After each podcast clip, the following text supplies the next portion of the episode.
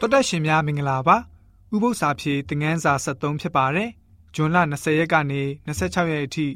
လေ့လာသွားမယ့်ဥပု္ပ္ပစာဖြေတင်ငန်းစာရဲ့ခေါင်းစဉ်ကြီးကတော့ဖျားသခင်ဤနှုတ်ကပတ်တော်ဖြင့်အသက်ရှင်ခြင်းဖြစ်ပါတယ်ဖတ်မဲ့ကျမ်းချက်တွေကတော့ဖိလိပ္ပိဩရစာခန်းကြီး2ငွေ7ကနေ16ရှင်လုကာခရစ်ဝင်ခန်းကြီး4ငွေ4ငွေ8ငွေ10ကနေ12ဆာလံကျမ်းခန်းကြီး39ငွေ9ဆာလံကျမ်းခန်းကြီး46ငွေ10ဆာလံကျမ်းခန်းကြီး62 ငွေ1ငွေ2နဲ့5ကောလောသဲဩရစာခန်းကြီး3ငွေ16တို့ဖြစ်ပါတယ်အဓိကကျမ်းချက်ကိုတော့ရှင်ယာကုတ်ဩရစာခန်းကြီး1ငွေ22မှာတွေ့နိုင်ပါတယ်ကိုကိုကိုလှည့်ဖျား၍နှုတ်ကပတ်တရားကိုနာယုံမျှတာပြုတော်သူမဟုတ်တရားကိုကျင့်တော်သူဖြစ်ကြလော့ဆိုပြီးတော့မှဖော်ပြထားပါတယ်နှုတ်ကပတ်တော်ကိုလေ့လာယုံတက်တက်ရှိပြီးတော့တိရသမျှကိုကျင့်ဆောင်ခြင်းမရှိဘူးဆိုရင်တော့ဘာအဓိပ္ပာယ်မှမရှိပါဘူး စစ်မှန်တဲ့ပညာကိုရရှိသင်ယူရသလိုစစ်မှန်တဲ့တမာတရားကိုရရှိဖို့လေ့လာရပါတယ်။အကောင်းဆုံးလေ့လာသင်ယူပြီးတော့ကြားနာယုံတက်တက်ဖတ်ရယုံတက်တက်အတွက်မဟုတ်ပါဘူး။တိသမျှ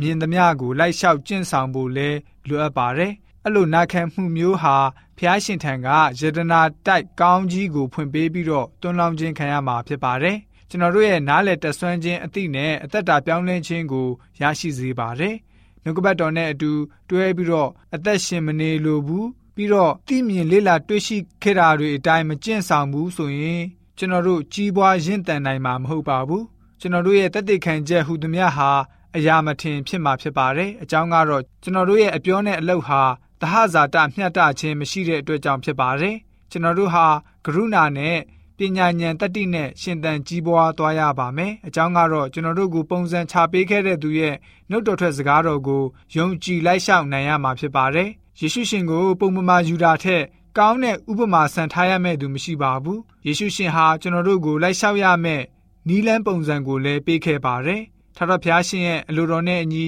ပြေဝဆုံလင်တဲ့အသက်တာနဲ့နေထိုင်ပြသပေးခဲ့ပါတယ် အခုတစ်ပတ်မှာတော့နှုတ်ကပတ်တော်ရဲ့တွင်တင်မှုအတိုင်းနေထိုင်အသက်ရှင်ပြီးတော့ဖခင်ရဲ့အမိန့်တော်အတိုင်းနာခံရမယ့်အကြောင်းကိုလေ့လာသွားမှာဖြစ်ပါတယ်ဆိုပြီးတော့